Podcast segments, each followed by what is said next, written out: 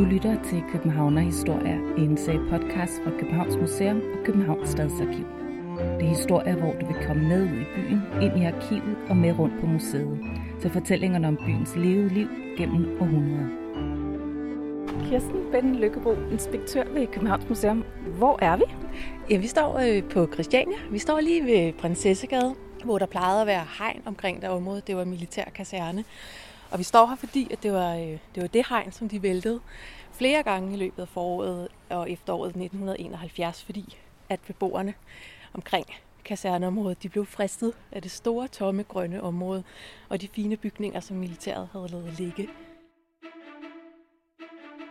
Der var boligmangel i København i 1971. Befolkningen voksede, og mange københavnerboliger var gamle og nedslidte, lejlighederne små og overfyldte. Boligmassen skulle saneres, og det krævede, at man flyttede beboerne ud. Og det betød, at der faktisk var flere boliger, der stod tomme, mens man ventede på, at de sidste beboere flyttede, og renoveringen kunne gå i gang. Sagt kort var der både boligmangel og flere tomme boliger i København. Og i processen med at få hele øh, boligmassen renoveret, så havde man også nedsat sådan et øh, boliganvisningskontor for ligesom at sørge for at få fordelt boligerne så retfærdigt som muligt. Det tolkede kommunen sådan, at det skulle være til gavn for flest mulige københavnere. Og det blev det ved at give boligerne til børnefamilier eller gifte par, frem for for eksempel en ung øh, enlig studerende. Og det var der jo så mange på det her tidspunkt i 19 68 til 71-agtig, som, som ikke længere opfyldte de krav. Man, man satte sig ikke for at blive gift som det allerførste lige efter skolen. Der var rigtig mange flere, der studerede, end der plejede at være. Og der var rigtig mange af de unge, der gerne ville nogle andre ting med deres liv, end at stifte familie som det første. Og de var ligesom fanget i en klemme. De havde ikke nogen steder at bo og, og, og de havde lyst til at bruge mange år af deres ungdomsliv på at, at finde ud af, hvem de var, og hvordan de ville indrette samfundet. Så man kan næsten man kan tale om, at der var en konflikt i forhold til tidsånd og boligmasse på en eller anden måde. Det ikke passede sammen i forhold til ungdomskultur og hvad der var til rådighed, og hvad kommunen synes var vigtigt. Ja, altså, der var i hvert fald en konflikt i forhold til, hvad de unge gerne ville, og hvad der ellers generelt havde været, været tendens til i samfundet. Vi havde en, en meget stor øh, gruppe af unge mennesker, som var blevet født efter 2. verdenskrig. Vi havde et samfund, der generelt set var blevet meget rigere, så der var råd til, at man tog sig tid til at, at, at stille spørgsmålstegn ved tilværelsen og ligesom tænke, hvad vil man selv have ud af livet andet end bare at få mad på bordet hver aften.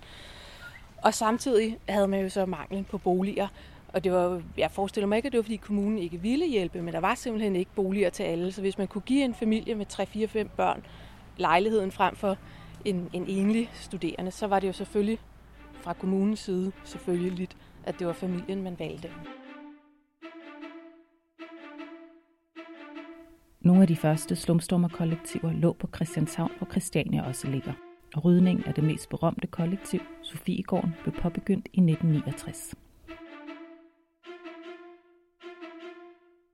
Så det var ligesom stemningen på Christianshavn, hvor der var mange af de her slumstormerkollektiver, Myndighederne ville gerne have dem ud. Øh, udlejerne ville måske også gerne have dem ud, så de kunne renovere deres øh, boliger og få nogle flere øh, penge i husleje. Og de unge, de ville rigtig gerne have nogle steder, hvor de kunne bo, og især hvor de kunne bo på deres egne præmisser i deres øh, kollektive fællesskaber og eksperimentere med, hvilken form for liv det var, at de kunne tænke sig, at skulle være deres.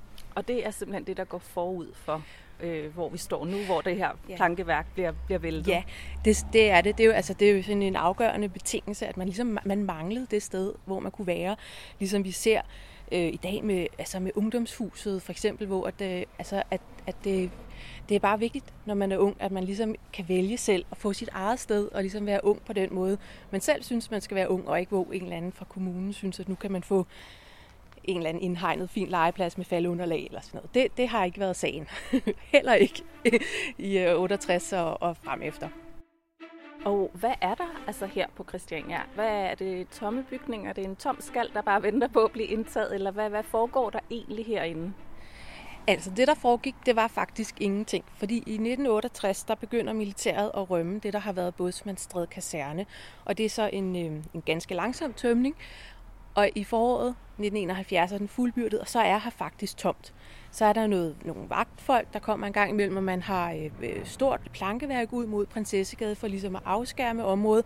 Og det går fra Prinsessegade og ned til, til resterne af Københavns befæstning, altså volden omkring øh, Christiania. Og så ligger her jo fine, store kvalitetsmurstensbygninger, øh, der har rummet øh, boliger for, for øh, de værnepligtige og for kommandanten og officererne. Der har været ridehus og hvad hedder sådan, artillerimagasin, og der er eksercerspladser og lys og luft og alt det, som der faktisk er meget stor mangel på i København på det her tidspunkt. Så man kan godt forstå, hvis man bor i nogle af de små overbefolkede øh, lejligheder eller i et slumstormerkollektiv, man er måske lige blevet smidt ud af sit slumstormerkollektiv af politiet, at det er en meget stor fristelse at kigge over på det her store, store, flotte, grønne, tomme område, hvor man kunne bygge en legeplads til sine børn, og man kunne få, få plads. Så, så øh, det er det lys, det skal se, så man begynder at rive plankeværket ned. Det, det er sådan helt drøbvis gennem øh, 1971. Så river man det ned, man laver måske en legeplads, så kommer de øh, for forsvaret og reparerer deres hegn. Så går der måske et par uger, så er der nogle nye huller, og drøbvis begynder folk at besætte de her boliger. Bor der en og en eller to og to. Og ikke sådan den store mængde. Det kommer i løbet af efteråret, hvor at, øh, at, at der er flere i København, der er en del af det her øh, ungdomsoprør øh, og slumstormerbevægelsen, der ligesom får øjnene op for, at den her mulighed er der, at området ligger tomt hen. Og i løbet af efteråret 1971 flyttede flere hundrede mennesker ind, og det var for mange til, at det omkringliggende samfund kunne ignorere det, der foregik.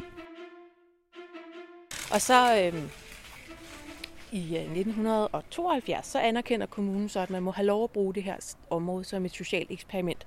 Og det giver lidt mere ro og fred, og så begynder folk at etablere sig på deres egne præmisser, og ikke i de bygninger, der lige var. Der bliver sat skurvogne op og begyndt at blive bygget små, mærkelige øh, sådan huse, selvbyggerhuse efter den fantasi, som man nu havde til rådighed, og de materialer, man havde til rådighed, og bliver skabt det her sådan lidt øh, helt særlige arkitektoniske udtryk, som, som, som vi har herude, ikke? med de, de gedine murstensbygninger, som er opført i slutningen af 1800-tallet, sådan af militæret til et eller andet formål, og så sådan nogle sjove, mærkelige, farvestrålende øh, huse, sådan proppet ind, øh, hvor der nu lige var plads.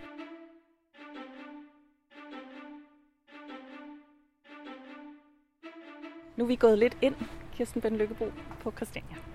Og øh, vi står foran en, en, en bygning, som vil være kendt for mange københavnere, et koncertsted, en grå hal.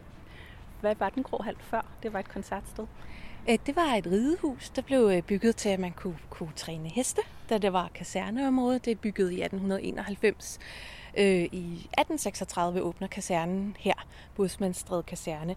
Den store gule øh, murstensbygning, der i dag hedder Fredens Ark, det var hovedbygningen af kasernen, og det var der, så vidt jeg husker, at de menige øh, sov, og der var ja, sikkert kantine og sådan nogle ting.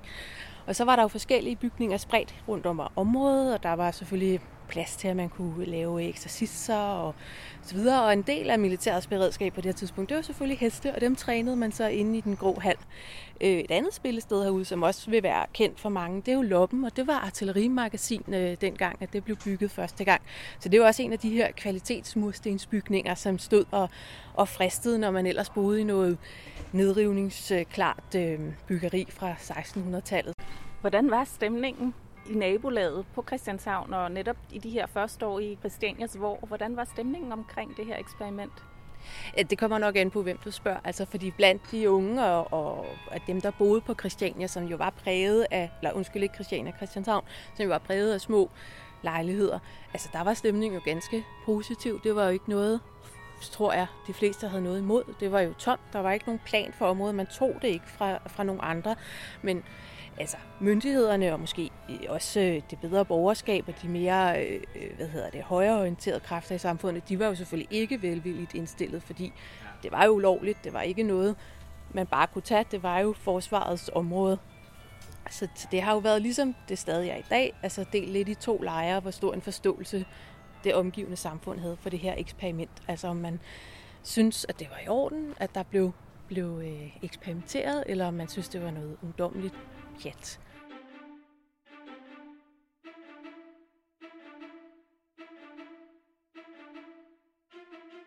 Kirsten Ben Lykkebo, nu har vi spaceret lidt igennem forbi Nemoland, og nu er vi ude på Nemoland, som er et koncertsted også på Christiania, og nu er vi ude på Volden.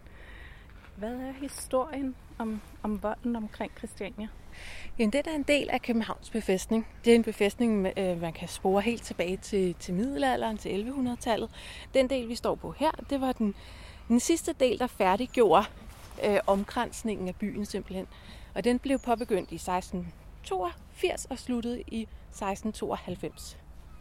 Og så var hele byen omkranset af voldgrav og volde og noget pælehegn der, hvor det ikke kunne lade sig gøre. Så simpelthen lukket inde, så man kunne beskytte byen og kontrollere, hvem der kom ind og hvem der kom ud af, af portene. Og så rundt om måtte man ikke bygge. Sådan, så hvis der var krig, så var der frit udsyn, så dem, der kom for at angribe, de ikke havde noget at gemme sig bagved osv. I mange andre europæiske storbyer er befæstningerne ofte blevet revet ned for at give plads til byggeri, men det gælder ikke på samme måde i København. Her kan man se volden og rester af volden i parker og selvfølgelig på kastellet. Og så her på Christiania, hvor den er meget velbevaret. Her er jordvold og voldgrav, stenbastioner og det, der kaldes redaner. Pilespidsformet udspring, hvor man vil have stået og skudt på fjenden, hvis fjenden altså var noget langt nok frem til, at man kunne ramme ham. Alt dette består omkring Christiania, hvilket rimeligvis har noget at gøre med, at det var militært område så længe. Fra 1836, hvor Bådsmandsstræde kaserne åbnede, og indtil man påbegyndte romningen i 1968. Og i al den tid har byen kun haft vokseværk. Hvornår falder voldene? Hvornår begynder byen at vokse netop ud på brugkvartererne osv.? Ja, det gør den i 1850'erne. Der begynder man at, at må bygge øh, det, vi kender i dag som Nørrebro og Vesterbro og Østerbro osv. Og, og på, øh, på Amager-siden, så er det faktisk først i 1909, at man begynder at må bygge. Øh, og det, giver jo, det letter jo trykket en del på, på den bygningsmasse, der fandtes i, i den indre del i middelalderbyen. Men stadig, da vi når op til, til 60'erne og, og starten af 70'erne, så har simpelthen stadig alt, alt for mange mennesker. Boligerne omkring Christiania var, som nævnt, en del af Christianshavn, og ejendommene var bygget i 1600- og 1700-tallet. Det var jo smukke bygninger med flotte detaljer, men der var jo også øh, altså, meget store slumområder, hvor det var ganske små lejligheder, og de var jo slet ikke bygget til, til den mængde mennesker, der boede i dem, eller havde nogle af de moderne bekvemmeligheder, man kunne, kunne ønske sig. Det er vanskeligt, måske umuligt, at tænke på Christiania uden at tænke på hash. Det er som om hashen er vævet tæt ind i Christianias liv og historie. Der har altid været blevet solgt stoffer herude. Øh, det var en del af, os opstarten, øh, hvor der så i i det sidste lange stykke tid er sket en, en bevægelse, hvor det ikke så meget er christianitterne, der sælger, men udefra kommende, der, der sælger her. Øh, meget tidligt besluttede øh, Christiania på et af deres fællesmøder, som jo er det besluttende organ herude, at de ikke ville tillade hårde stoffer, for i de allertidligste år af fristadens historie, så var der meget store problemer med, med stofmisbrug herude, og folk de, øh, jamen, de lå øh, snart sagt og, og døde af overdosiser på, på, på gaderne herude. Så det satte man en, en effektiv stopper for. Men, øh, men salget af, af hash, det har været der hele tiden centreret primært på, på det, de kalder Pusher Street, som er den gade, man jo selvfølgelig ankommer til lige, når man går ind af hovedindgangen ud mod Prinsessegade. Og, og både det forhold, og i starten også det forhold, at man jo boede her ganske ulovligt, det har jo hele tiden været, været startskuddet til det der dualistiske forhold til, til det omgivende samfund, og især til, til politiet, der jo simpelthen jo haft til opdrag at holde orden i samfundet, og selvfølgelig ikke kan lade være at reagere på åbenlyse ulovligheder som, som herude. Så der har været en helt øh, grundlæggende konflikt der i alle årene, især i starten omkring, om man overhovedet måtte bo her. Der kan man sige, der kom det jo ret hurtigt til, til nogle forskellige kortvarige øh, aftaler med kommunen om, hvordan man måtte være her som et socialt eksperiment, og man måtte forlænge det. Og i 1989 kommer så Christiania-loven, der giver dem lov til at blive her, så længe man overholder de vedtagende lokalplaner.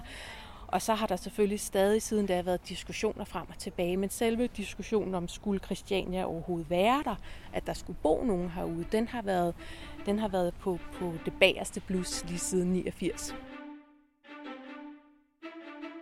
Men, men konflikten omkring øh, salget af de euforiserende stoffer, det har været der hele tiden. Øh, det har været, øh, været mere eller mindre øh, voldeligt herude, hvor der har været store sammenstød, man har kunne, kunne læse om i, i dagbladene, hvor der har været kampscener simpelthen mellem øh, beboere og politifolk, og sælgerne af de her stoffer. Og i, ja, i 92 for eksempel, der var politiet ude og sige, at de ville faktisk gerne have en nødudgang, så de kunne komme ud fra Christiania, hvis det ligesom blev for hæt for dem herinde. Og det synes øh, beboerne herude var lidt morsomt al den stund, at det jo ikke var, altså politiet de kom jo, de vidste hvornår de kom, og de havde våben med, og skjolde og hunde og så videre.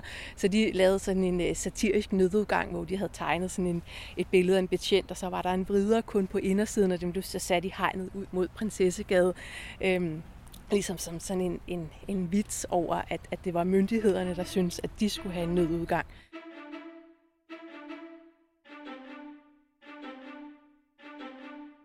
Døren blev væltet i forbindelse med andre uroligheder, men heldigvis reddet, og i dag kan den ses på Københavns Museum.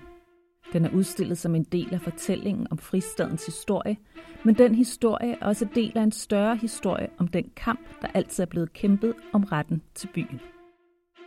Altså, hvem skal bestemme, hvordan skal livet leves her i København? Det har jo ikke kun været i fristaden eller i 1960'erne for den sags skyld og 70'erne, at der var, var oprør mod det bestående. Det er jo en, en, et livsbetingelse, at sådan er det tit, at, at de unge de vil noget andet end de tidligere generationer. Og også selvfølgelig i København. Så vi har jo øh, i udstillingerne, og især i en, i en dokumentarfilm, har fokus på, på forskellige grupperinger, der gennem tiden har været i konflikt, kan man sige, med, med det omgivende samfund omkring, hvordan var det, at deres Mm, ret til medbestemmelse kunne få, få udfoldelse. Det har været omkring ungdomshuset, det har også været i besætbevægelsen, der ligesom var aftageren til det her slumstormer-initiativ. Det var mere i 80'erne og starten af 90'erne, hvor man også besatte tomme lejligheder igen, fordi det var svært som ung at få et sted at bo. Så det er lidt en, en, en bevægelse, der selvfølgelig har været med forskellige ansigter som frontfigurer, forskellige udtryksformer, men altid har været der i København.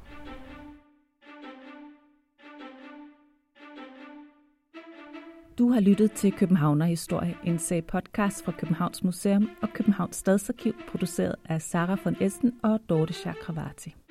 Historiker Kirsten Ben Lykkebo, inspektør ved Københavns Museum, fortalte. Musikken stod Mads Kok for. Du kan høre meget mere om Christiania og kampen om København på Københavns Museum. Åbningstider og anden info findes på www.copenhagen.dk.